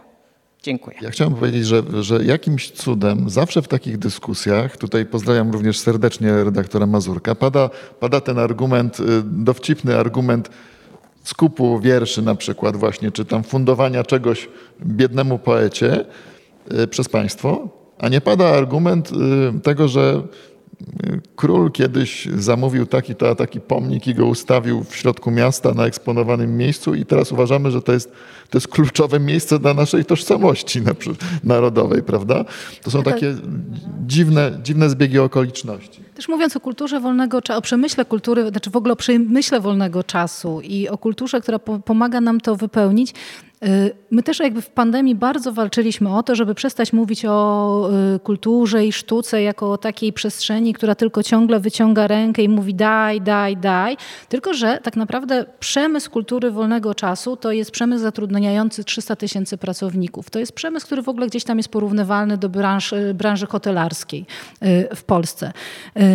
I na przykład chodzi o to, że to warto sobie uzmysłowić, jak bardzo ważny jest to element, że kiedy jest koncert, nie wiem, przyjeżdża jakiś artysta, nie wiem, y, wyprzedaje stadion narodowy, to nagle przyjeżdżają ludzie, nie dość już, że z całej Polski, znaczy mówię o czasach przed wojną, czyli przed pandemią, mam nadzieję, że to wróci yy, i że jesteśmy na prostej drodze do tego, ale tak to wyglądało, że przyjeżdżali ludzie nie dość, że z całej Polski, to z całej Europy albo z całego świata na tym, że oni przyjeżdżali. Zarabiały środki transportu, zarabiali taksówkarze, zarabiało miasto na tym, że oni przyjechali, to poszli coś kupić w jakichś sklepach. Wcześniej kupili sobie ubrania, żeby się ubrać na ten koncert ładniej, żeby się dobrze czuć. Y, zarabiała gastronomia wszędzie dookoła, zarabiały hotele. Znaczy to są potężne, potężne pieniądze. I Oczywiście, jakby, bo tutaj znowu wraca kazus tego Kazika, który wiadomo, to nie jest ustawa dla Kazika. Kazik po prostu stanąłby na środku ulicy, jakby było mu bardzo źle, zatrzymał, śpiewałby trzy piosenki, wszyscy by przeszli, tam wrzucili mu coś do tego przysłowiowego kapelusza i byłoby ok. Tylko żeby taki Kazik mógł działać, żeby jego, jego miejsce mogło w polskiej kulturze być tak poczesne, na niego pracują dziesiątki, jeśli nie setki ludzi. Rozumiem, że to też był powód tego rozżalenia jego niektórych współpracowników, niekrytego, że on trochę mówiąc, że on nie potrzebuje takich takich rozwiązań dla siebie, zapomniał o tych, którzy stoją obok niego, wspierają go, a nie są tak rozpoznawalni. I niestety to jakby takich celebrytów, którzy zarabiają po prostu dziesiątki albo setki tysięcy złotych, to jest po prostu jakiś promil, to jest tam, nie wiem, 7% chyba z tego, z tego co wyszło. 6,7% to są ci, którzy są zamożni, Pani Marto, ale to zamożni są ci, którzy wchodzą do drugiej grupy podatkowej. Tak, czyli ci, co zarabiają a, więcej niż tam... Gwiazd, no bo system gwiazd jest, tak. prawda, tutaj w kulturze, a gwiazd to jest po prostu właśnie, no tak, no procent góra tam, 2%, takich, którzy są w ogóle mega bogaci po prostu. A, większość, a większość tylko, tylko, puenta, tylko puenta, a większość to są po prostu ci, którzy po prostu pracują i wyrywają te pieniądze z tygodnia na tydzień, bo tutaj przy, popracują przy Kaziku, a tutaj pojadą gdzieś i popracują z jakimś teatrem i tak dalej.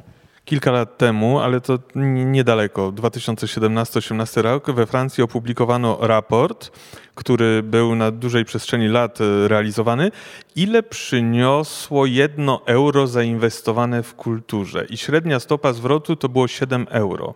Czyli jedno euro zainwestowane w kulturę przynosiło 7 euro. To jest to, co przed chwilą powiedziałaś. Jak na koncert przyjedzie 10 tysięcy osób, pójdą do hoteli, pójdą do restauracji, coś e, w, u nas w Polsce kupią. No i e, właśnie, danie jednego euro we Francji na kulturę przynosiło 7 euro zwrotu.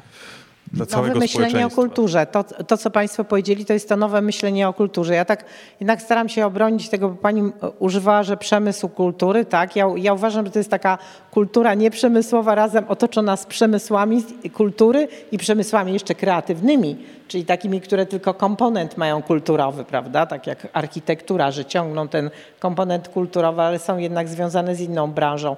Czyli myślimy cały czas już teraz bardzo holistycznie o kulturze. Myślimy nie tylko o tej, która e, potrzebuje wsparcia, czyli tak jak powiedziałam, wszędzie tam, w tym ogromnym obszarze jest rynek a tylko tam, gdzie koniecznie potrzeba. No, e, powiedzieliśmy o tym poecie, ale myślmy o skrzypkach, myślmy o muzykach, myślmy o tych, którzy wiedzą, że w filharmonii mają tak mało zarobić, a jednak chcą się tak bardzo poświęcać. I spójrzmy w przyszłość trochę na, na, na, na koniec może tej naszej rozmowy. Bo, y, bo czegoś się dowiedzieliśmy, oczywiście dowiedzieliśmy się mnóstwa y, smutnych rzeczy na temat komentarzy dotyczących zawodu artysty, ale o tym już trochę rozmawialiśmy, o tych różnych demagogicznych mniej lub bardziej y, komentarzach i typowych mniej lub bardziej. No ale dowiedzieliśmy się też, że ludzie są skłonni inwestować w kulturę trochę więcej, z własnej inicjatywy i z własnej nieprzymuszonej woli i w ogóle poza systemem e, takim publicznym, e, bo wkroczyło też dość mocno dofinansowanie społecznościowe, jeszcze mocniej w tę sferę kulturalną. Ja tylko podam kilka danych, bo to może być ciekawe nawet dla tych, którzy na co dzień nie zaglądają do takich serwisów jak na przykład Patronite. Nie, nie reklamujemy, ale to jest akurat serwis, który obrazuje stałe wsparcie, nie wsparcie jedno, jednego projektu. I tam na przykład y, dwie stacje radiowe, które powstały y, założone przez pracowników, dawnych pracowników y, radiowej Trójki, zbierają po ponad 600 tysięcy złotych miesięcznie stale. Jeden z pracowników tego radia, który odszedł i założył własny y, podcast Raport o stanie świata, czyli Dariusz Rosiak, y, zbiera 90 tysięcy złotych miesięcznie, co, co pozwala mu również angażować się na przykład w takie sytuacje jak produkcja YouTube'owej czytanej wersji Y, sztuki Szekspira z Piotrem Franceskim i Grzegorzem Damięckim, która ma 25 tysięcy odsłon na YouTubie w tej chwili. Sprawdzałem. Y, są, i, są oczywiście inne medialne inicjatywy tego typu finansowane społecznościowo. Są e, inicjatywy teatralne, grupa ad hoc, zdaje się, że improwizacja komediowa zbiera no, nieco powyżej 2000. Artyści muzyczni, którzy zbierają podobne sumy, filmowi i tak dalej, i tak dalej. Co zmienia y, to y, Państwa zdaniem i czy to w ogóle jest coś, co teraz trzeba brać pod uwagę, y, patrząc o przyszłości i całym tym systemie? Czy możemy to jakkolwiek wykorzystać? Znaczy, myślę, że to mówi tyle o kulturze, że kultura, znaczy jakby mówiąc o dziennikarzach, no to, to jakby to jest trochę jeszcze, trochę to są media, to jest jeszcze troszeczkę co innego. Natomiast jakby to pokazuje, że w ogóle jesteśmy w jakimś bardzo żywym momencie. To pokazuje również jedną rzecz, jak niezwykle ważne są technologie dla rozwoju y, kultury. No i to oczywiście jest taki pomysł, który możemy wybudować do opłaty reprograficznej, czyli tak zwanej rekompensaty od używania y, kultury. Y, I wiem, że to jest najbardziej, najbardziej taki kontrowersyjny jakby komponent tego stworu, który jest, którym jest ustawa o uprawnieniach artysty. No i znowu, jakby tego się nie da podsumować jednym atrakcyjnym zdaniem. To jest bardzo not sexy, po prostu długa i nudna dyskusja, więc też nie chcę się teraz zagrzebywać w te, e, w te argumenty. Zachęcam do odwiedzenia strony artystazawodowy.pl.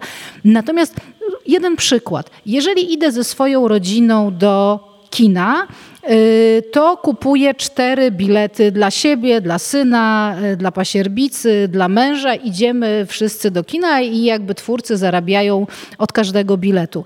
Y, jeżeli ten sam film chcę obejrzeć w domu, to nie muszę kupić czterech biletów, tylko sadzam na mojej kanapie całą moją czteroosobową rodzinę, a jak są goście, to nie wiem, jeszcze dwie dodatkowe osoby i sześć. I w cenie tego jednego biletu oglądamy sobie, sobie film.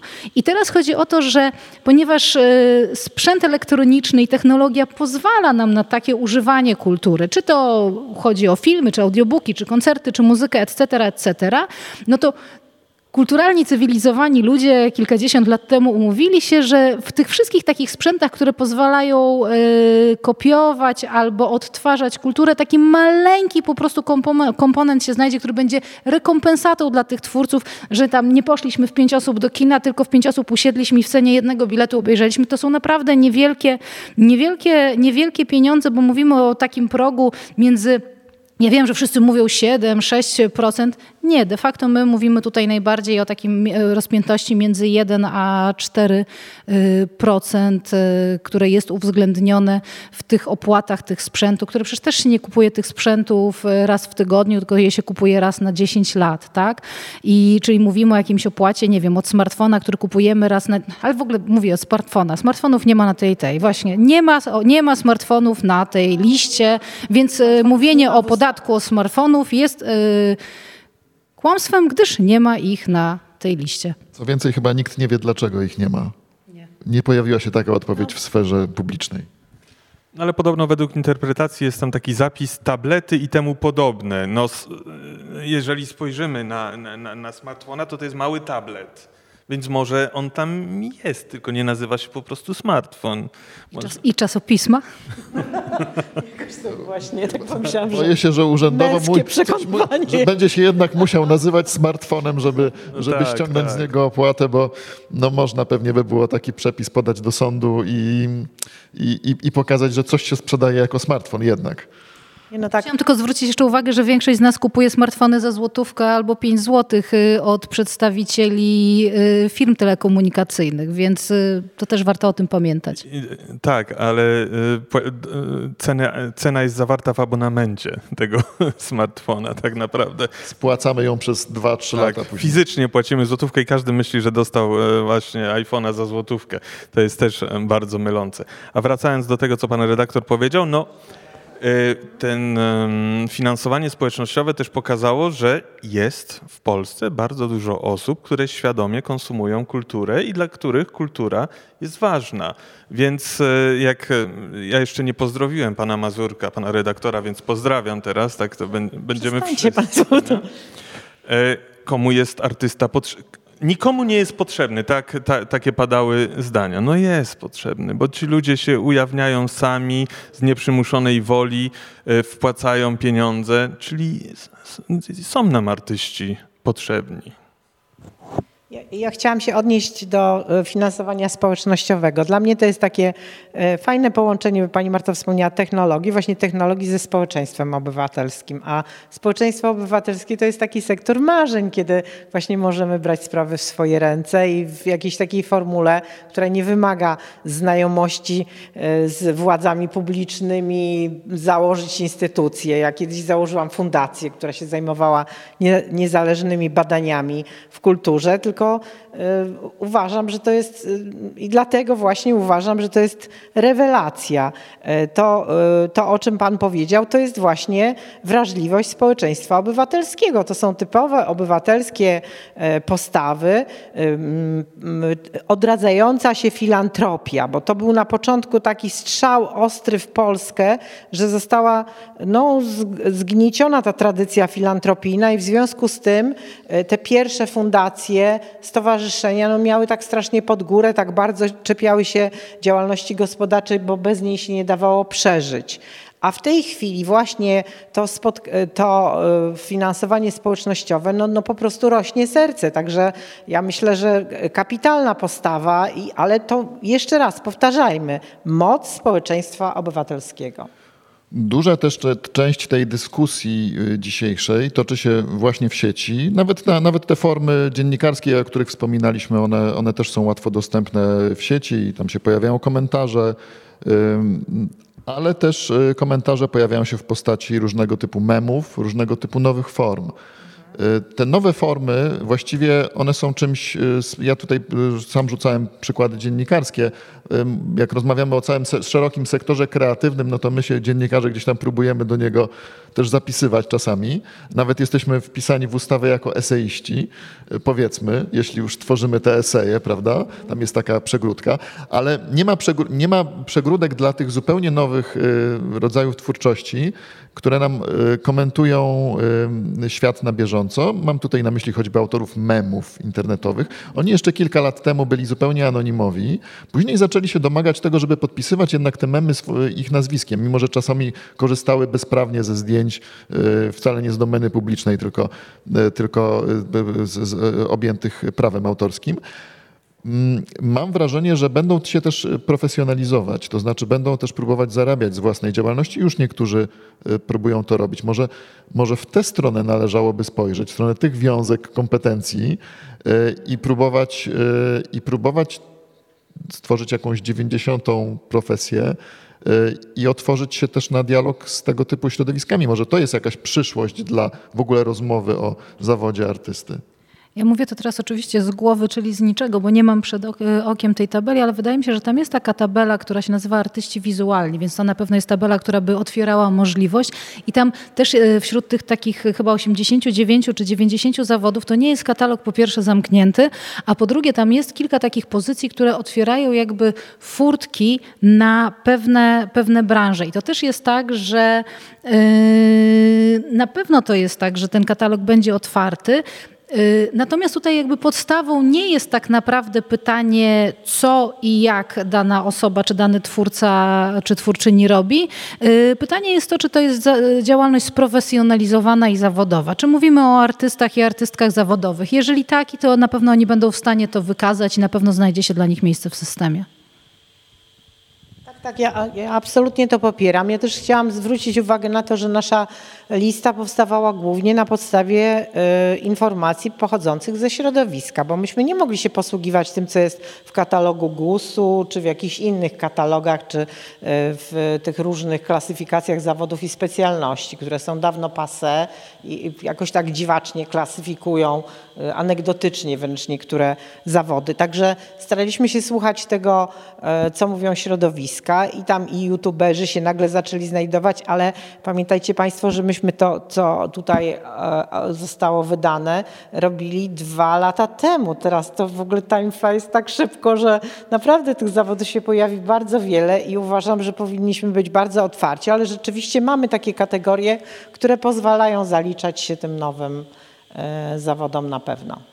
To, to, już zupełnie na zamknięcie tej naszej rozmowy, myśląc o przyszłości dalej, Y, to gdyby ktoś, kto nas ogląda i stwierdził, uznaje, że jest artystą jednak mhm. i że go nie ma gdzieś w tym, w tym całym gronie, to właściwie co on ma zrobić? Jak ma się zgłosić? No to pani Kogo? Marta na pewno wszystko wie, jak to. Yy, zastanawiam się, bo to jest takie jestem, znaczy ja od razu jako aktywistka szukam konkretnych rozwiązań, więc ja w ogóle od razu mam takie think global i po prostu, że myślę w takiej dużej skali, więc rozumiem, że jeżeli jest jakaś jedna osoba, która y, uprawia jakąś działalność, no to to jest ważne, żeby ta osoba nazwała tę działalność i zobaczyła, czy y, ten jej zawód, czy ta jej aktywność twórcza w jakiś sposób się odnajduje w którejś z tych rubryk. Natomiast jeżeli mówimy o jakiejś grupie, no to wiadomo, że zawsze, jeżeli tworzymy tworzymy jakąś grupę i zależy nam na sprawczości i na widzialności, no to bez aktywizmu trochę się nie da. I na przykład y, trochę ta motywacja stała za tym, kiedy z grupą koleżanek i kolegów y, trzy Cztery już lata temu powoływaliśmy Gildię Polskich Reżyserek i Reżyserów Teatralnych, których, której nie było i mieliśmy poczucie, że brakuje nam takiego narzędzia, żeby zwiększyć naszą sprawczość. To nie było łatwe, to nie było przyjemne, to było czasochłonne, to ciągle wymaga bardzo dużo pracy, która jest pracą pro bono i po prostu społecznikowską. To trzeba lubić, ale ja zachęcam, bo to też jest jakiś komponent społeczeństwa obywatelskiego, w którym ludziom żyje się bardziej świadomie i lepiej, więc wtedy oczywiście warto podjąć taką aktywność. Ja czytając ustawę e, i chyba nawet te komentarze do ustawy, gdzie była lista zawodów, to dowiedziałem się, że, że mogę być artystą zawodowym, bo jest tam tłumacz literacki. Ja od wielu lat e, tłumaczę i powiedziałem sobie, kurczę, Chyba jestem artystą zawodowym. Do tego, jak spojrzałem na te kwoty, które trzeba było zarobić przez e, mhm. ostatnie trzy lata, mówię, no mogę się postarać o ten status. A nigdy tak nie myślałem, dopóki nie przeczytałem tej ustawy. Oczywiście e, pewnie na, na stronie artysta zawodowy to będzie ładniej wytłumaczone, bardziej prosto. Artysta nie będzie musiał czytać całej ustawy, e, żeby sobie odpowiedzieć na takie proste pytania czy tam jest e, mój zawód, czy ja y, myślę o mojej pracy, że to może się wpisać w ten zawód, czy zarobiłem tyle, bo te wszystkie to jest jakby takie y, kalkulatorek. Wyliczysz sobie, mam to, mam to, mam to, wychodzi mi, jestem, mogę być artystą zawodowym.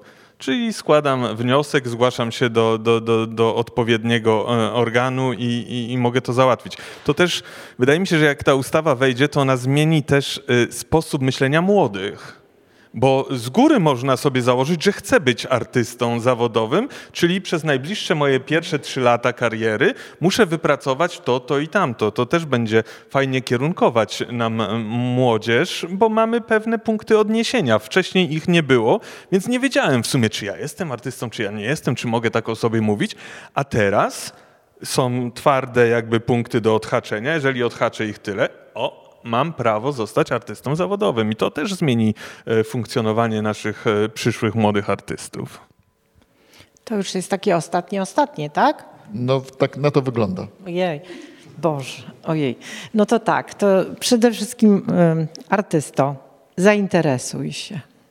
Ja tak wiele tutaj walczymy, staramy się, przekonujemy, tyle osób jest w to wszystko zaangażowanych. I tak myślę, że powinniśmy być tacy dumni, że wreszcie jakieś systemowe rozwiązanie zostaje dedykowane właśnie artystom. I sami artyści, chciałabym, żeby oni się no po prostu zainteresowali, żeby poznawali, żeby wchodzili na tę stronę artysta zawodowy. Nie, że, bo i piękna ona może nie jest taka najbardziej piękna, ale interesująca jest warto zobaczyć, jakie są możliwości. To oczywiście trochę czasu potrzeba, żeby się nauczyć korzystać z tego systemu, ale myślę, że to niewiele w stosunku do tych wszystkich e, spraw, do tych, do tych całych starań, które myśmy tutaj mieli. Ja Myślę, że ta, ta, droga tych wszystkich osób, które były zaangażowane w tworzenie tej, tej ustawy w jakiś sposób pośredni, choć niepolityczny, jesteśmy z, e, wszyscy zaangażowani, była bardzo różna. Ja na przykład po, na początku miałam, doświadczałam jakiegoś takiego dużego krytycyzmu środowiska, które przekonywało, że to, co myśmy policzyli, jeśli chodzi o liczebność środowiska, te 60 tysięcy artystów, to jest źle, że to za mało jest. I wszyscy tak mówili. Pamiętam tam kolega swojego potoroczyna spotkałam, mówi, ale się machnęłaś, to przynajmniej ze stówka jest za jakieś tam 60 tysięcy, to niemożliwe. A ja mu tłumaczyłam, że myśmy też tak na początku myśleli, a tam nam wyszedł współczynnik wielozawodowości artystów 2,5, który ślicznie tłumaczy to, że jest jakaś pozorne nasze wyobrażenie o środowisku, jego aktywności i to, jak to jest naprawdę. Więc to było dla nas e, fajne, ale jednocześnie doświadczaliśmy jakiejś krytyki e, i czasami się zastanawialiśmy, że może już dać spokój, by takie fajne badania i, i w ogóle tam mm, już jesteśmy tacy mądrzy, to po co mamy tam dalej się starać. Ale z drugiej strony to, bo ja teraz chciałam tak patetycznie trochę, to my, to my teraz historię tworzymy. To jest naprawdę nowa polityka kulturalna Polski po 1989 roku. Niezależnie od opcji politycznej, no ministerstwa raczej nie dbały o to środowisko, które jest w tej chwili moim zdaniem najważniejsze. Mówiło się o tym, jak bardzo sektor kreatywny rozwija całą gospodarkę, jaka jest wielka szansa w czasie kryzysowym, jeśli chodzi o stawianie na sektor kreatywny, a jednocześnie miało się w głębokim poważaniu tych, którzy tą kreatywność tak naprawdę tworzą. Także artysto, artystko, artysto, zainteresujcie się, bo to jest ustawa dla Was, po to, żeby Wam pomogła nie tak systemowo, jakbyśmy bardzo chcieli, ale no pierwszy krok został zrobiony. Jeszcze tylko na sam koniec, bo to jest bardzo ważne, żeby powiedzieć, zarówno dla artystek, jak i dla artystów, jak i przede wszystkim dla przeciwniczek i przeciwników tych rozwiązań, którzy mają jakiś taki intuicyjny sprzeciw i artykują, jak redaktor Mazurek, ten sprzeciw. Znaczy, proszę Państwa, my nie walczymy o nic, czego nie ma w tych wszystkich państwach, y, do których chcemy równać. To nie jest żadne wyjątkowe rozwiązanie takie rozwiązania. Opłata reprograficzna jest przez producentów sprzętu elektronicznego płacona praktycznie we wszystkich państwach y, Unii Europejskiej z wyjątkiem Polski, nawet na Węgrzech. Nawet na Węgrzech ona jest płacona i podobne rozwiązania do tego, y, które my postulujemy w ramach ustawy, funkcjonują praktycznie w całej Unii Europejskiej. Więc to jest po prostu, to znaczy my jesteśmy z tyłu, tak? To, to, to jest dobry wzorzec, do którego ciągniemy, bo to jest jeden z dobrych elementów fajnej lepszej przyszłości dla nas wszystkich. Myślę, że y, udzieliliśmy też y, gdzieś po drodze odpowiedzi na to tytułowe pytanie naszej rozmowy. Jeśli ktoś y, nie zauważył tej puenty, która się w międzyczasie pojawiła, to tylko przypomnę, że tam w tej ustawie być może jest właśnie granica pomiędzy artystą hobbystą a artystą zawodowym, czyli to, o co nam wszystkim tutaj chodziło. E, bardzo, bardzo Państwu dziękuję za, za tę rozmowę. E, profesor Dorota Ilczuk. Dziękuję bardzo. Marta Miłoszewska. Jan Nowak. Ogromne dzięki. E, napisy końcowe to jest też, proszę pamiętać, kwintesencja właściwie tego, o czym mówimy. Wszystko, wszystko, czego nie widać, znajdą Państwo w napisach końcowych zazwyczaj. My bardzo dziękujemy pani Marcie Jaroń za tłumaczenie migowe. E, tej dyskusji. E, bardzo dziękujemy naszej e, ekipie technicznej, która to wszystko zrealizowała. Dzięki Państwu wszystkim możemy wspólnie dotworzyć. Tego Państwo nie widzą, bo to jest za kadrem, ale tu jest nas więcej, zdecydowanie. Bardzo dziękujemy też Marcie Szadowiak i Jannie Cichockiej-Guli, bo bez nich w ogóle nie byłoby tej dyskusji ani w takim kształcie, w jakiej była, ani w żadnym innym kształcie. E, przypominamy też, że 18 czerwca kolejna debata e, Gojki 3 Lab. E, będzie to rozmowa o sektorze kultury w obliczu katastrofy klimatycznej. I tym razem gośćmi będą Agnieszka Rek-Gornowicz, Filip Springer, Krzysztof Bielaszka, a poprowadzi tę debatę Anna Desogus. I to już zdaje się wszystko. Bardzo, bardzo Państwu dziękujemy za uwagę. Bartek Kaciński. Dziękuję.